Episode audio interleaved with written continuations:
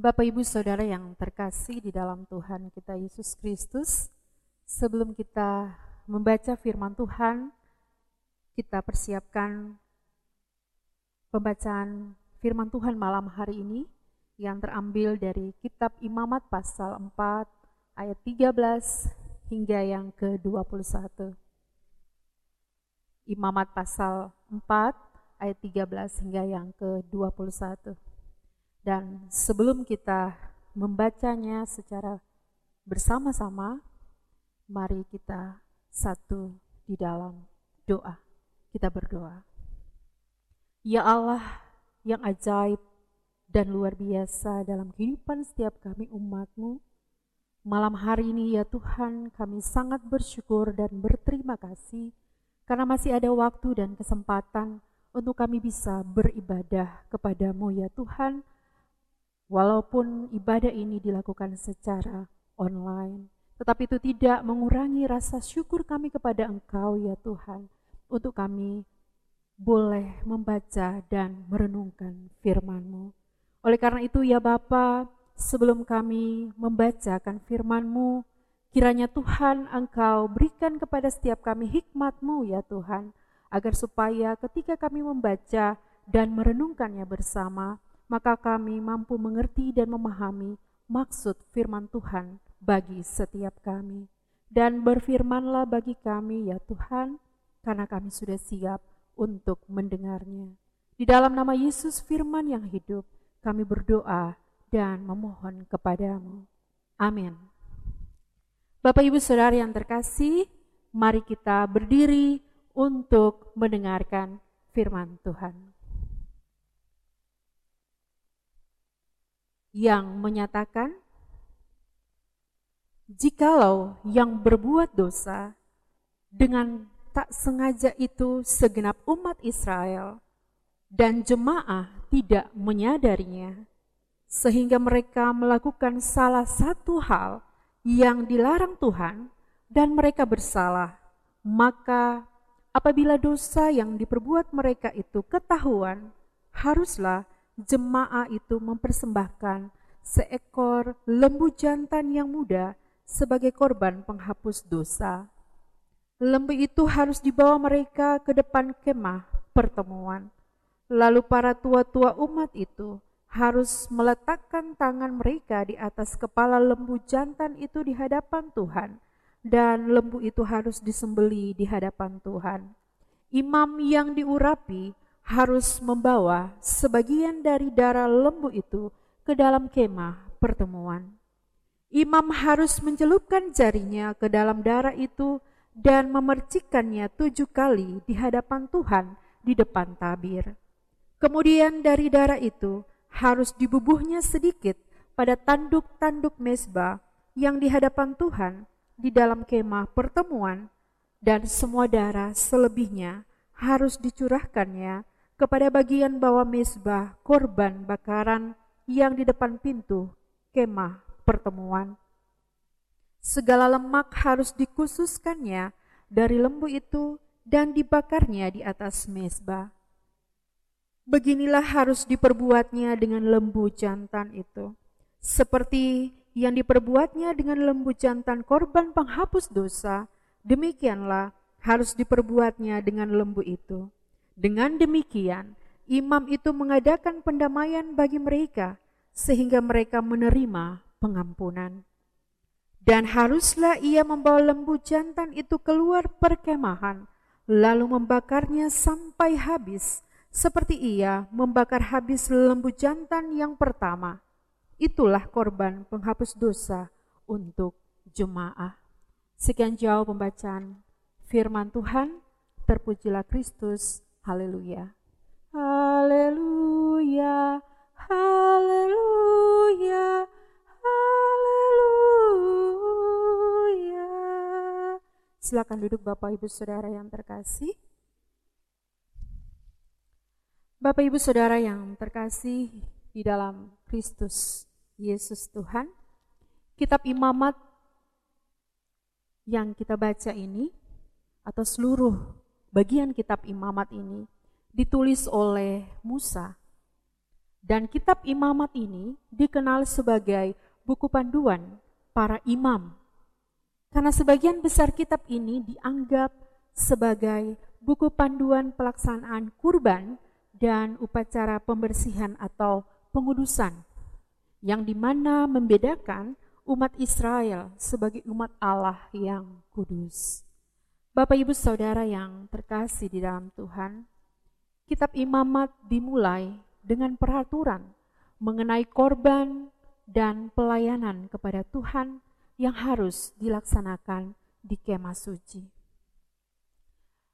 Bapak Ibu Saudara yang terkasih, di dalam pembacaan kita saat ini khususnya di pasal 4, sebenarnya mencakup empat kategori, yaitu berbicara tentang imam, berbicara tentang seluruh umat, berbicara tentang pemuka agama, dan yang keempat berbicara tentang rakyat jelata. Namun malam hari ini Bapak Ibu Saudara yang terkasih, kita akan membahas tentang ayat 13 hingga yang ke-21. Karena dalam ayat 13 dan 14, pokok permasalahan yang digumuli adalah tentang kesalahan yang diperbuat oleh umat Israel tanpa sengaja. Dan mereka tidak menyadari apa yang telah mereka lakukan. Mereka tidak sadar kalau apa yang telah mereka lakukan itu adalah hal yang dilarang oleh Tuhan. Dan jika dosa yang dilakukan itu ketahuan, maka umat Israel harus mempersembahkan seekor lembu jantan yang muda sebagai korban penghapus dosa. Ya, seperti yang sudah kita baca bersama di ayat 13 dan 14. Jika kesalahan dilakukan maka harus ada korban penghapus dosa untuk mereka berikan kepada imam dan imam harus memberikannya kepada Tuhan melalui tata cara upacara yang harus dilakukan oleh imam tersebut. Nah, Bapak Ibu, Saudara yang terkasih di dalam Tuhan. Terkadang kita juga sebagai umat Tuhan yang hidup di zaman ini, sering kali tanpa kita sadari, kita juga telah berdosa terhadap Tuhan.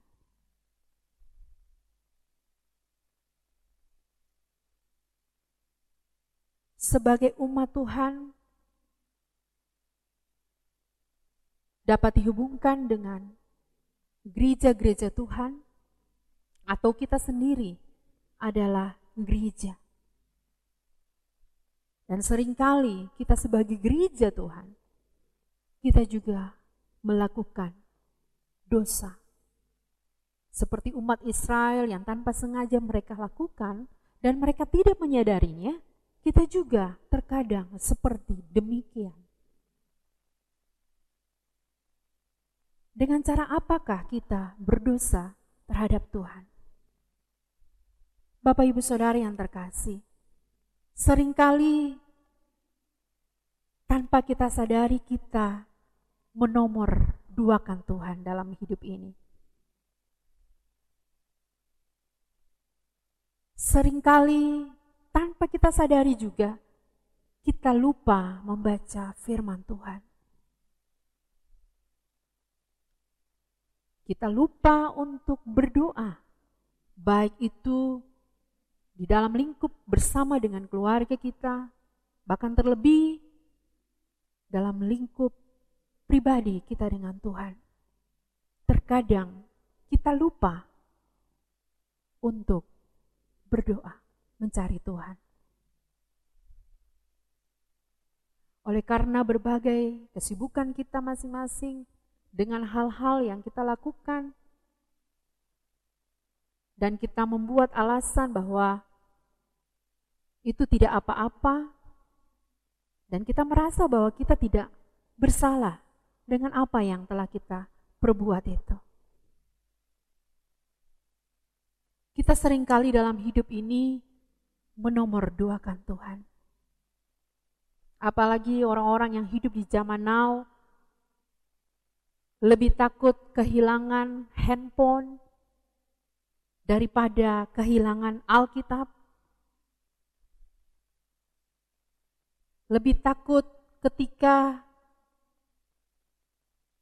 kita dimarahi bos kita, ditegur bos atau pimpinan di mana kita bekerja, ketika kita melakukan kesalahan, daripada kita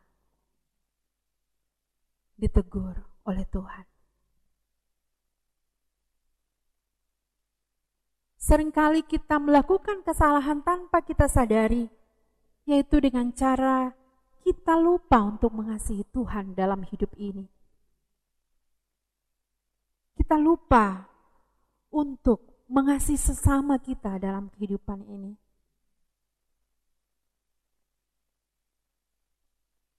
Memang kita sering mengatakan bahwa kita mengasihi Tuhan. Tetapi apakah dengan hanya berkata-kata kita mengasihi Tuhan, lalu kita melupakan setiap aturan-aturan atau perintah-perintah yang Tuhan berikan dalam kehidupan setiap kita umat Tuhan. Sebagai gereja Tuhan, malam hari ini kita diingatkan untuk menyadari bahwa sering kali hal-hal yang kita anggap tidak bersalah, tetapi pada kenyataannya itulah hal-hal yang demikian sering kali membuat kita bersalah di hadapan Tuhan. Karena apa Bapak Ibu Saudara yang terkasih? Karena kita juga sebagai gereja Tuhan, anak-anak Tuhan, umat Tuhan, sering kali kita juga meremehkan firman Tuhan. Kita tidak taat, kita tidak setia kepada Tuhan. Tuhan berkata bahwa kita harus mengasihi. Tetapi kita hanya berlakukan itu lewat perkataan saja. Kita tidak memperlakukan itu lewat tindakan kita, lewat perbuatan kita. Perintah Tuhan, Tuhan menyuruh kita untuk bisa memaafkan atau mengampuni orang yang bersalah kepada kita. Seperti yang sering kali kita berdoa Bapa kami, itu selalu ada bahwa kita harus mengampuni setiap orang yang bersalah kepada kita. Tetapi apa yang sering kali kita lakukan? Kita hanya mampu untuk berkata-kata. Tetapi pada prakteknya kita tidak bisa melakukan itu.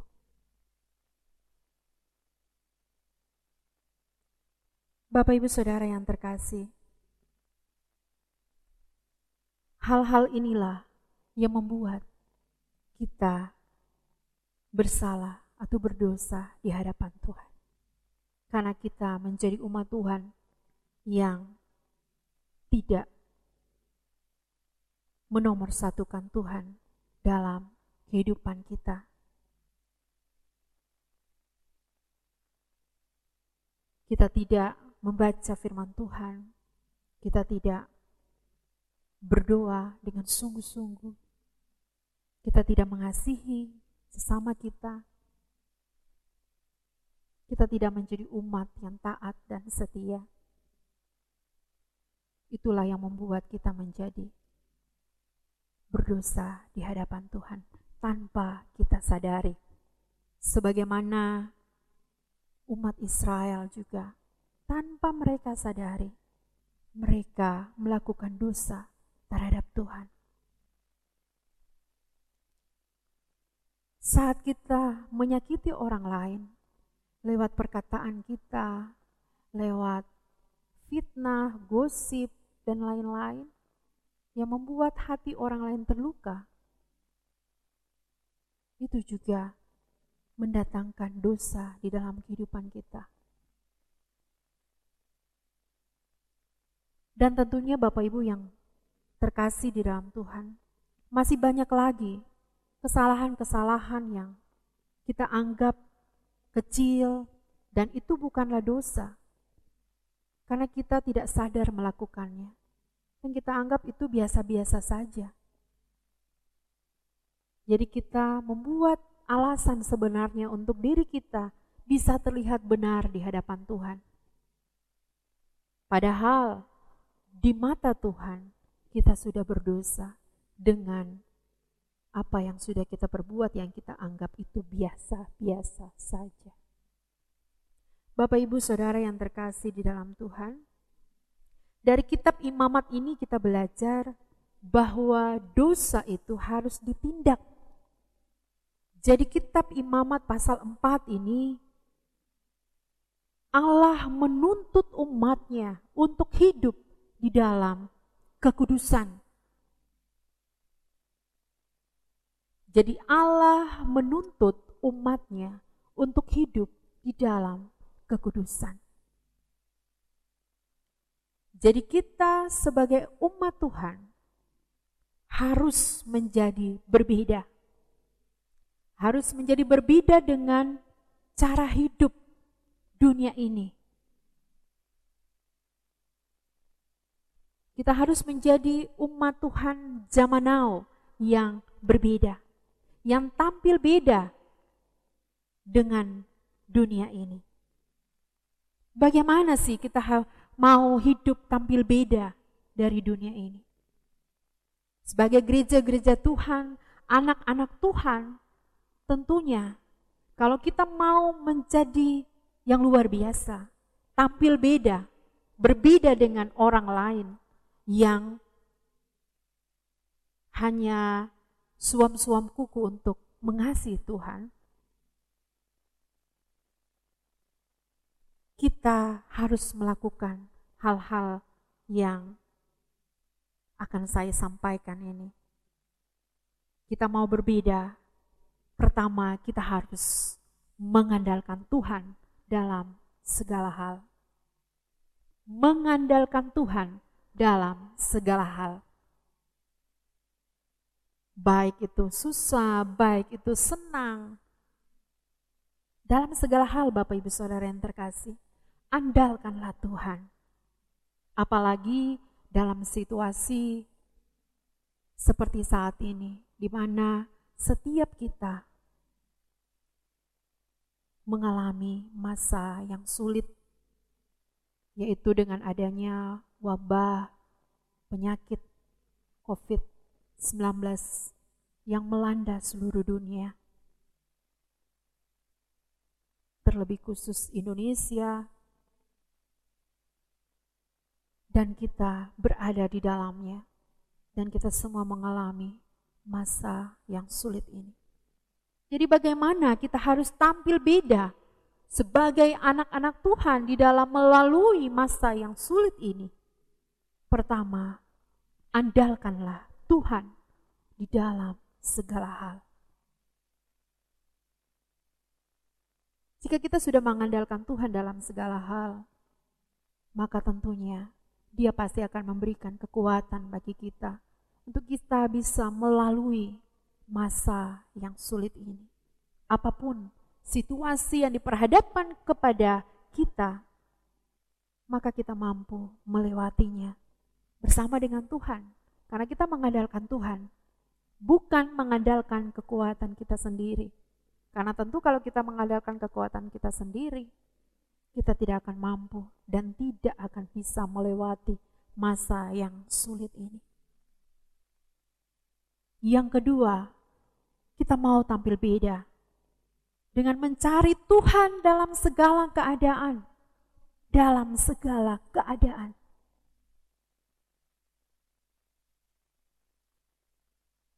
Tuhan memberikan waktu bagi kita untuk bersama dengan keluarga, untuk bersekutu bersama, beribadah, memuji, memuliakan nama Tuhan, mendengarkan firman Tuhan, Mari kita terus melakukan itu. Karena kita rindu untuk mencari Tuhan di dalam segala keadaan.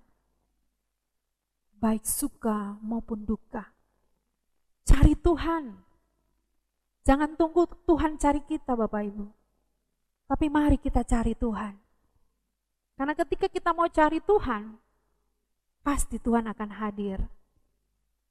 Pasti Tuhan akan datang menghampiri kita.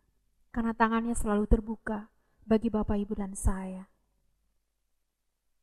Yang ketiga, kita mau menjadi umat Tuhan yang tampil beda.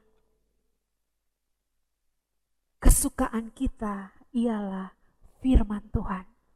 Ini yang sering kali kita lupakan. Karena kalau zaman now kesukaan kita adalah handphone, di dalamnya ada Facebook, ada WA, ada IG, ada Messenger dan lain-lain. Itu yang menjadi kesukaan kita.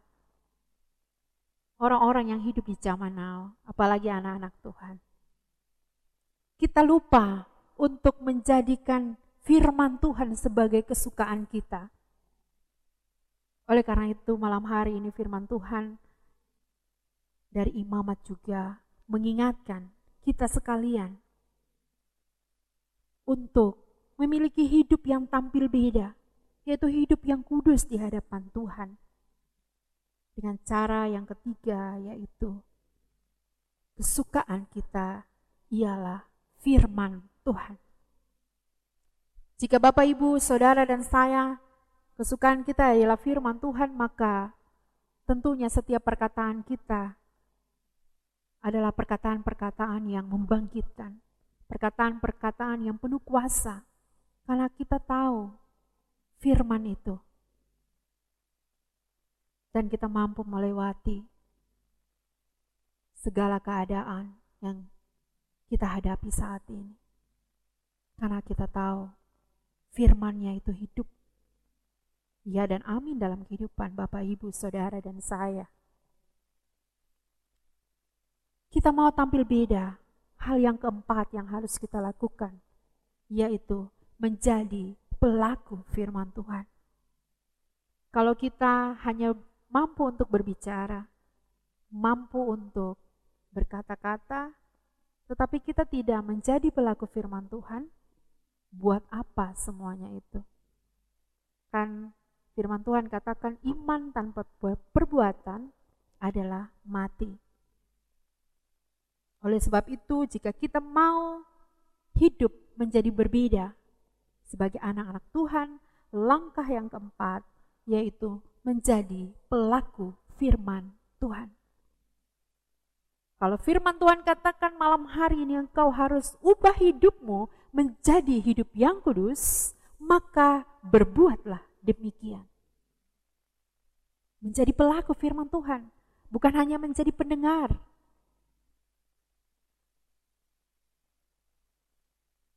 Jikalau firman Tuhan berkata, ampunilah orang yang menyakiti hatimu, maka perbuatlah demikian. Maka engkau akan menjadi orang yang luar biasa yang hidupnya kudus di hadapan Tuhan.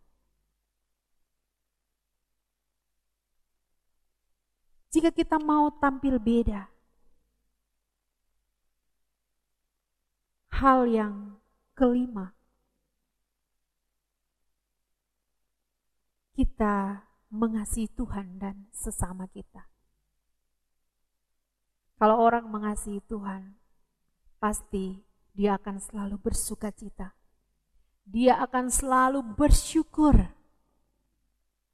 dalam segala keadaan. Apakah malam hari ini kita benar-benar mengasihi Tuhan kita dalam keadaan yang sulit seperti saat ini? Kita tidak bisa keluar ke mana-mana, kita tidak bisa beribadah bersama-sama dalam satu persekutuan di rumah Tuhan oleh karena situasi dan kondisi yang tidak memungkinkan untuk kita semua bisa bersekutu bersama-sama. Banyak orang di PHK, banyak orang dirumahkan, tidak bekerja, banyak orang yang menderita, banyak orang yang terserang wabah penyakit ini yang menakutkan. Dan kita sendiri di dalamnya menjadi takut, menjadi gelisah. Tapi malam hari ini Bapak Ibu Saudara yang terkasih, firman Tuhan dengan tegas menyampaikan kepada kita melalui kitab imamat bahwa kita diminta Allah untuk hidup dalam kekudusan. Jadi kita harus tampil berbeda, mengasihi Tuhan dan sesama. Langkah yang kelima, karena ketika kita mengasihi Tuhan, maka kita akan tahu bahwa dalam situasi sesulit apa pun yang kita alami dan kita rasakan, kita tidak akan takut dengan apa pun juga. Karena Tuhan memberikan kita roh yang membangkitkan kekuatan, kasih, dan pikiran yang tenang maka kita akan mampu tetap berdiri teguh untuk berjalan bersama dengan Tuhan di dalam situasi yang sulit seperti saat ini. Kita juga diminta oleh Tuhan untuk mengasihi sesama kita. Mengasihi orang-orang di sekitar kita yang mungkin tetangga-tetangga kita mereka sangat kekurangan Mari, apa yang bisa kita perbuat untuk kita bantu, kita tolong, kita lakukan. Karena firman Tuhan katakan, jika kita melakukan sesuatu pekerjaan, maka lakukanlah itu seperti untuk Tuhan. Karena kita mau menjadi pelaku-pelaku firman Tuhan, mengasihi Tuhan dan juga mengasihi sesama. Bapak Ibu Saudara yang terkasih di dalam Tuhan, menjadi berbeda dengan dunia ini, atau cara hidup kita yang berbeda, maka akan membawa hidup kita jauh dari dosa. Karena setiap kesalahan dan dosa akan mendapat akibatnya. Sebagaimana sudah kita baca tadi di ayat 13 dan 14, bahwa ketika umat Israel berdosa, maka ada akibat yang harus mereka dapatkan. Contoh kalau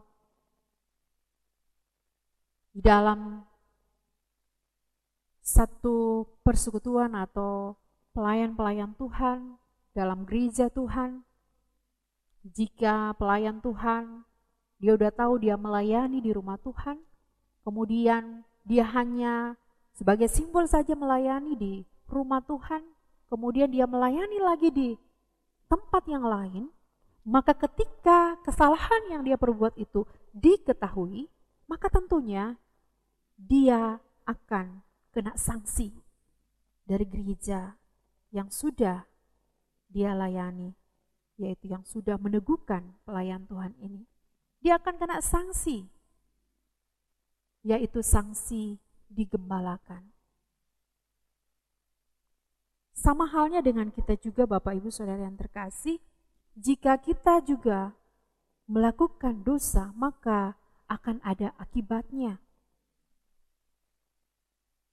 Dan begitu banyak contoh atau begitu banyak hal-hal yang salah jika kita lakukan, maka kita akan mendapat konsekuensinya atau akibat dari dosa itu. Jika di tempat pekerjaan, pasti kalau kita melakukan kesalahan dan sangat fatal, tentu kita dapat akibat. Mungkin kita diberhentikan, mungkin kita uh, dipotong gaji, atau kita di dirumahkan dan sebagainya. Tidak dipakai lagi oleh karena kesalahan kita perbuat. Itu di tempat pekerjaan. Atau mungkin kalau anak-anak sekolah ketika mereka berbuat kesalahan, dan tentunya mereka juga akan kena sanksi dari sekolah tersebut.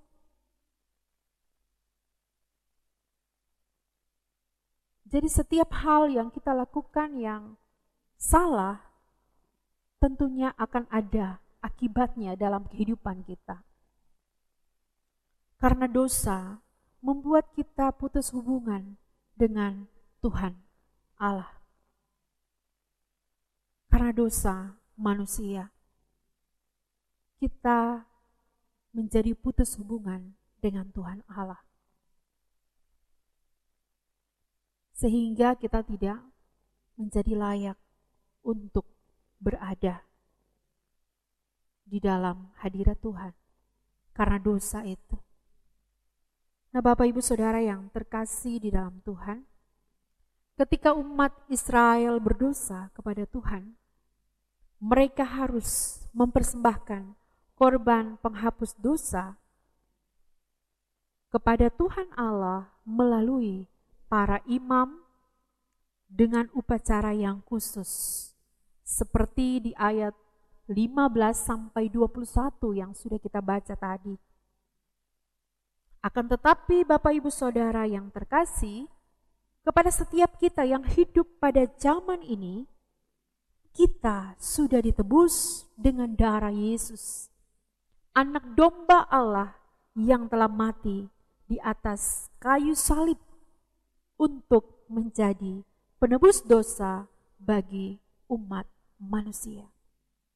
Menjadi penebus dosa bagi Bapak, Ibu, Saudara, dan saya. Dan sebagai umat yang telah ditebus oleh darah Kristus Tuhan, seharusnya lah kita katakan stop atau berhenti untuk berbuat dosa. Baik itu kita lakukan secara tidak sengaja ataupun sengaja, kecil maupun besar kesalahan itu. Kita katakan, stop untuk berbuat dosa. Kita harus bisa membalas kebaikan Tuhan dengan cara hidup kudus. Karena Tuhan sudah menebus hidup Bapak, Ibu, Saudara, dan saya. Jadi kita harus bersyukur sangat bersyukur karena Tuhan Yesus telah bersedia untuk menjadi kurban penghapus dosa manusia. Dia bersedia menjadi kurban penghapus dosa bagi Bapak, Ibu, Saudara, dan saya. Kurban yang Tuhan Yesus persembahkan adalah satu kali untuk menebus dosa-dosa kita.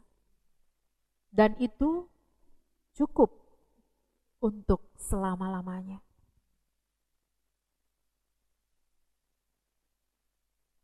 Makanya setiap tahun kita selalu mengingat rayakan akan kematian Kristus di atas kayu salib.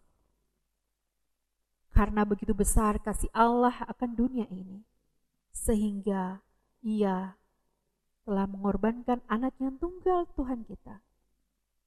Supaya setiap orang yang percaya tidak binasa, melainkan beroleh hidup yang kekal. Oleh karena itu Bapak Ibu Saudara yang terkasih, marilah mulai malam hari ini kita mau tampil beda. Kita mau menjadi umat Tuhan yang benar-benar memiliki hidup yang kudus di hadapan Tuhan. Biarlah lima langkah yang sudah kita renungkan bersama tadi boleh menjadi bagian dari dalam kehidupan kita sekalian.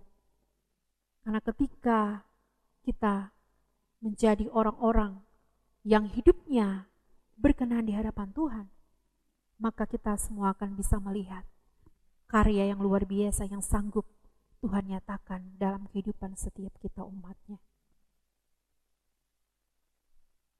Tuhan Yesus mengasihi saudara dan juga mengasihi saya. Tuhan memberkati kita sekalian. Amin.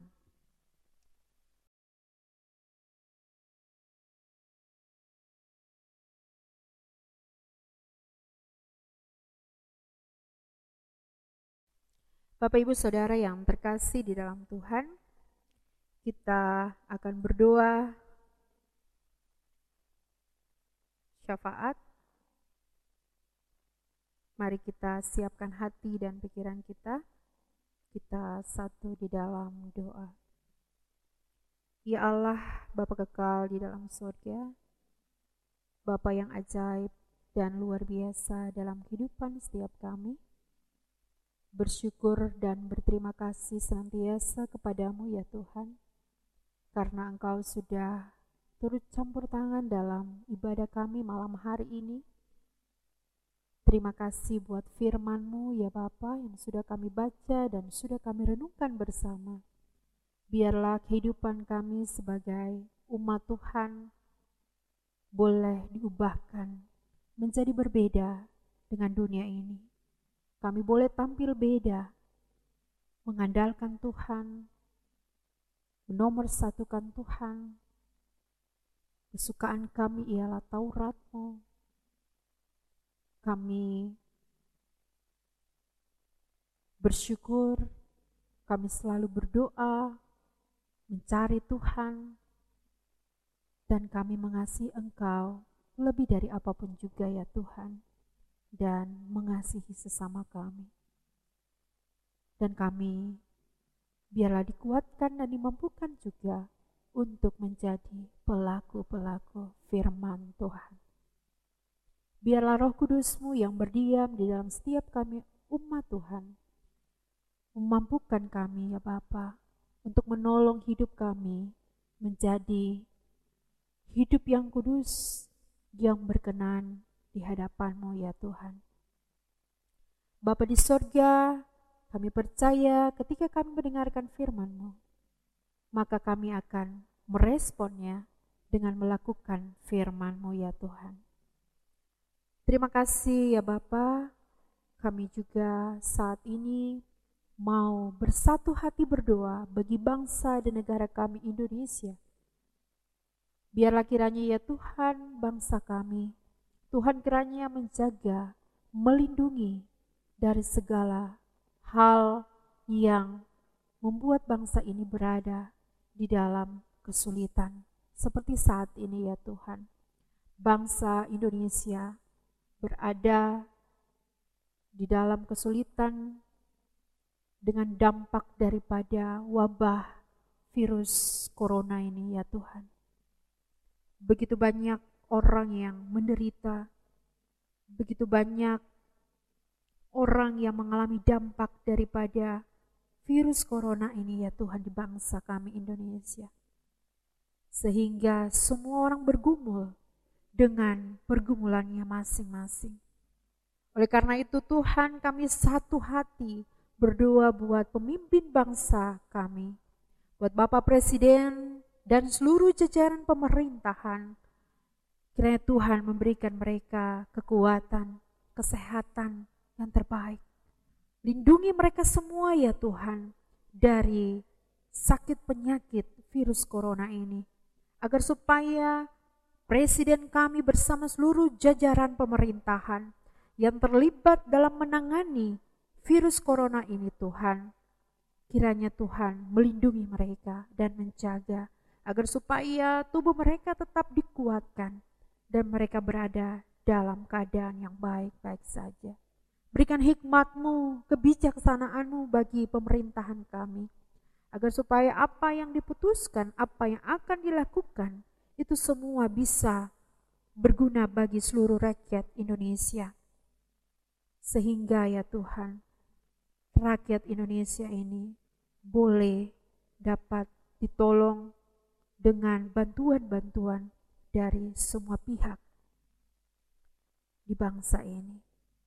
Bapa di sorga, kami berdoa secara khusus bagi para medis, tim dokter, perawat, satgas COVID yang ada di bangsa ini Tuhan, di masing-masing daerah.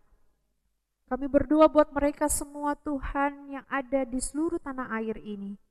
Mari Bapa di sorga, kiranya Engkau dengan kuasamu yang ajaib, Engkau hadir dan datang melawat, memberikan mereka semua perlindungan di dalam kesehatan mereka Tuhan.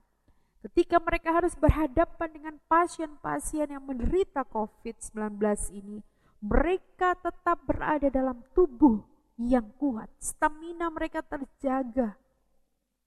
Dan Tuhan kiranya menolong dan memberkati apa yang mereka perbuat untuk menolong setiap orang yang sakit. Kiranya Tuhan menjauhkan setiap para medis, tim dokter, perawat, dan satgas COVID ini Tuhan dari mara bahaya virus COVID-19 ini. Biarlah mereka dimampukan untuk bekerja, untuk mendatangkan kesembuhan bagi pasien-pasien COVID-19 ini. Lewat obat-obatan, lewat semangat yang mereka punya untuk berbagi dengan pasien-pasien ini, sehingga para pasien ini pun akan merasakan bahwa mereka diperhatikan dan mereka juga dikasihi oleh semua para medis yang bekerja untuk membantu kesembuhan pasien-pasien COVID ini.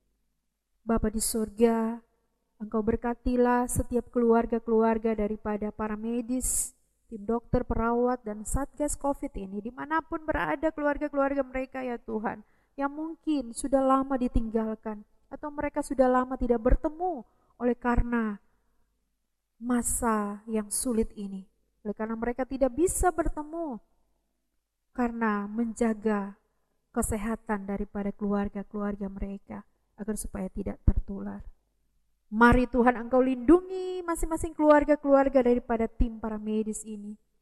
Engkau memberkati mereka dan Engkau memberikan penghiburan, Engkau memberikan kekuatan untuk mereka juga tetap berdoa, tetap sabar, tetap percaya bahwa pasti akan ada waktunya untuk mereka bisa berkumpul bersama orang-orang yang mereka kasihi. Terima kasih Bapak di surga. Kami berdoa juga secara khusus buat pasien-pasien COVID di Indonesia. Mereka yang sudah positif COVID-19 ini ya Tuhan. Kami berdoa di dalam nama Tuhan Yesus yang adalah tabib di atas segala tabib. Yang adalah penyembuh.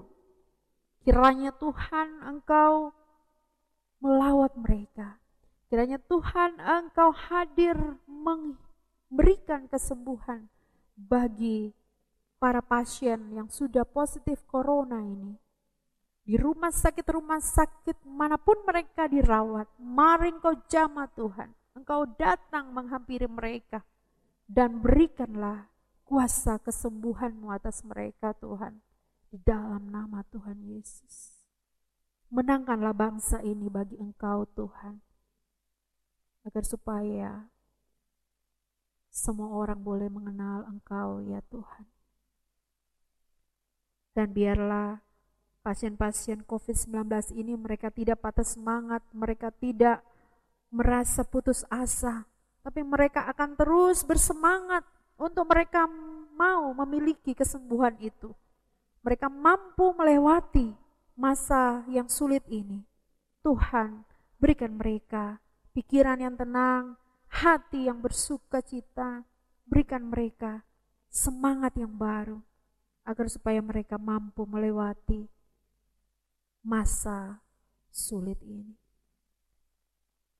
Dan kesembuhan yang dari Tuhan boleh mereka alami sehingga mereka boleh pulang ke rumah masing-masing dengan membawa kesukaan, dengan membawa sukacita bahwa mereka sudah sembuh dengan luar biasa.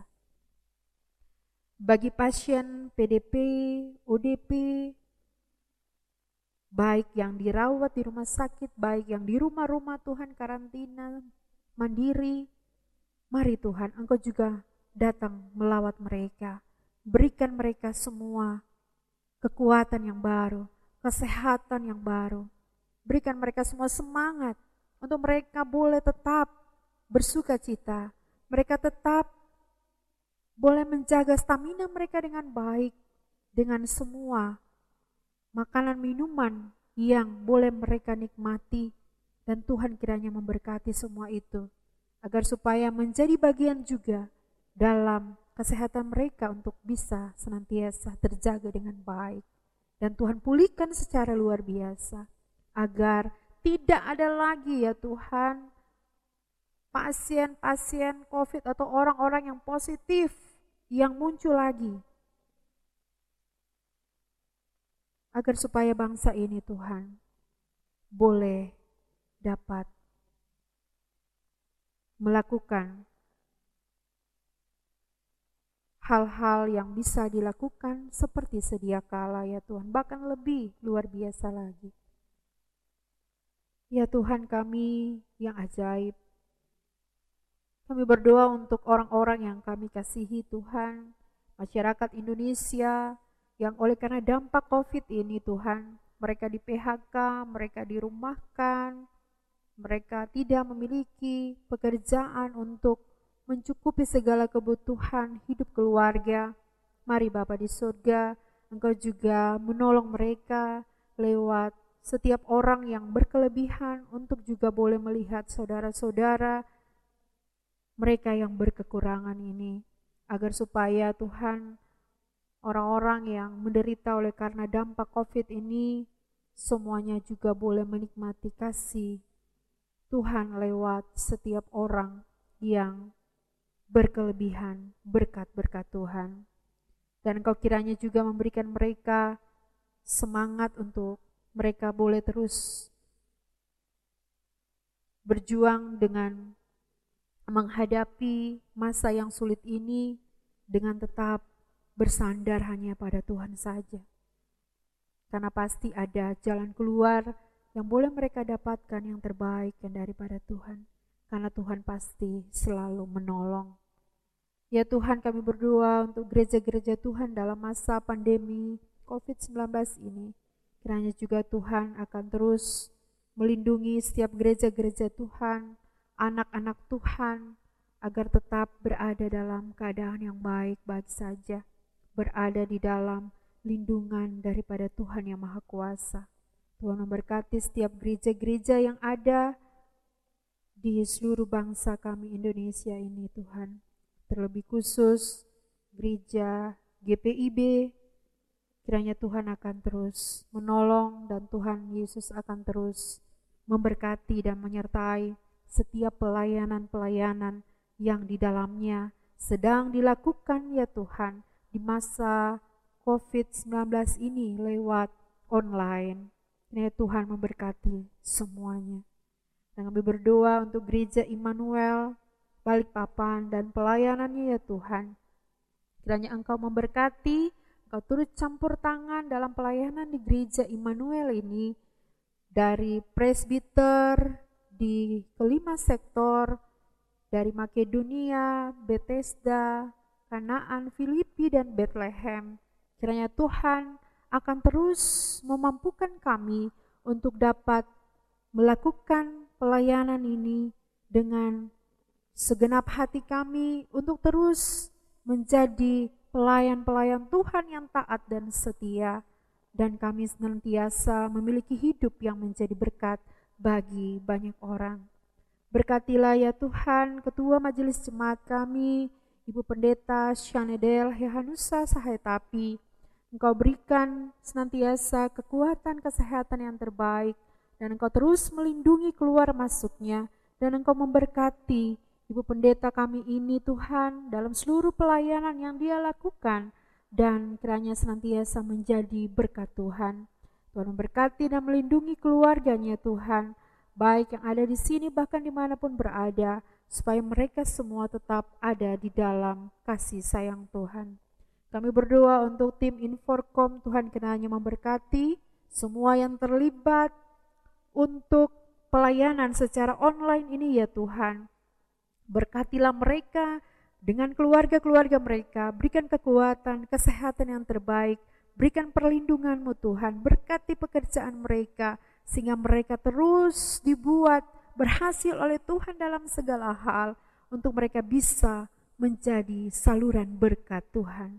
Di mana pun Tuhan mau tempatkan mereka, untuk mereka boleh menjadi berkatmu. Tuhan berkati karyawan kantor, GPIB Manuel Balikpapan, Engkau melindungi mereka juga bersama keluarga mereka, Engkau memberikan kekuatan kesehatan juga yang terbaik atas mereka.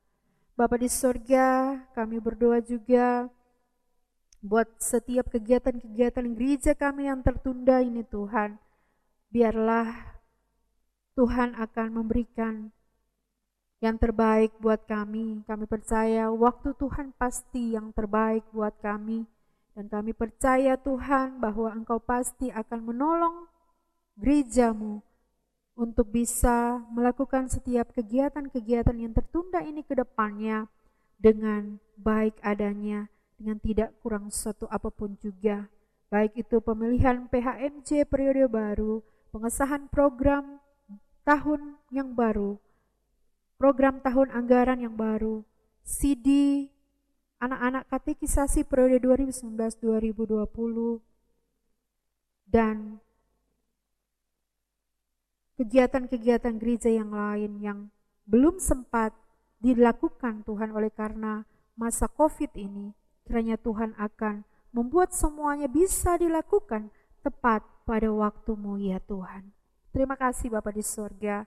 Kami berdoa juga buat setiap jemaat Immanuel dari sektor pelayanan Makedonia sampai Bethlehem.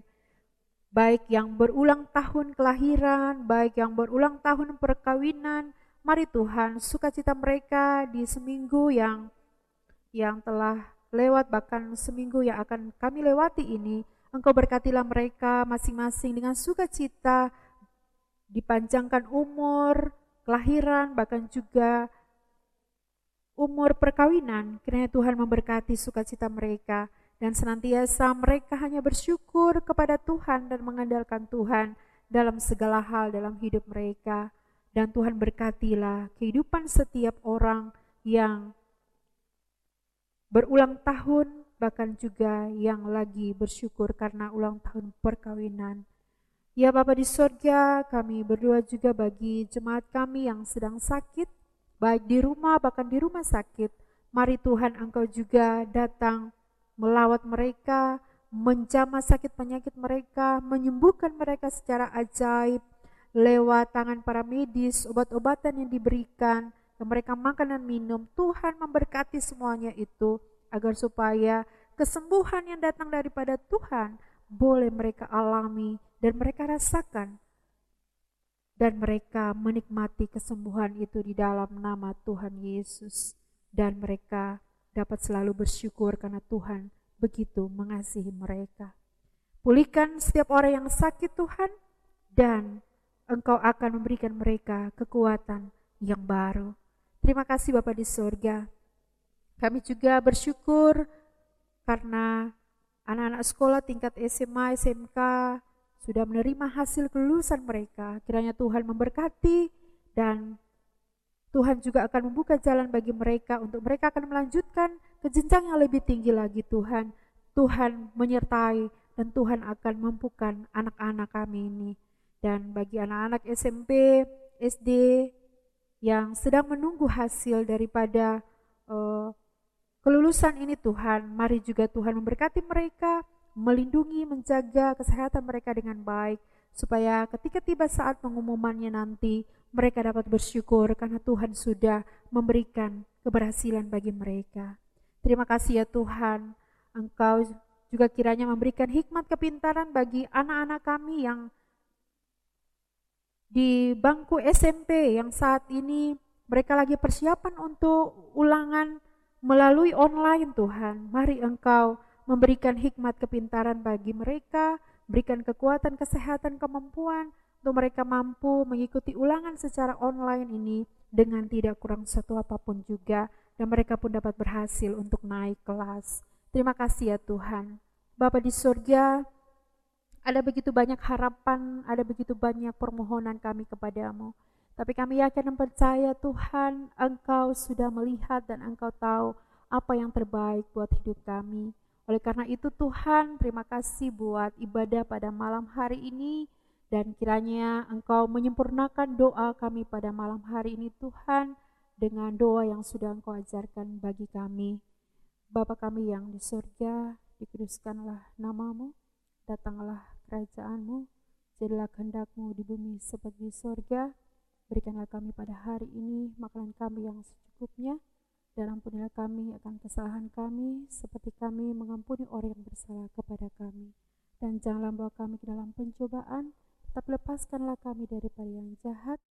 Karena Engkaulah yang mempunyai kerajaan dan kuasa dan kemuliaan sampai selama-lamanya.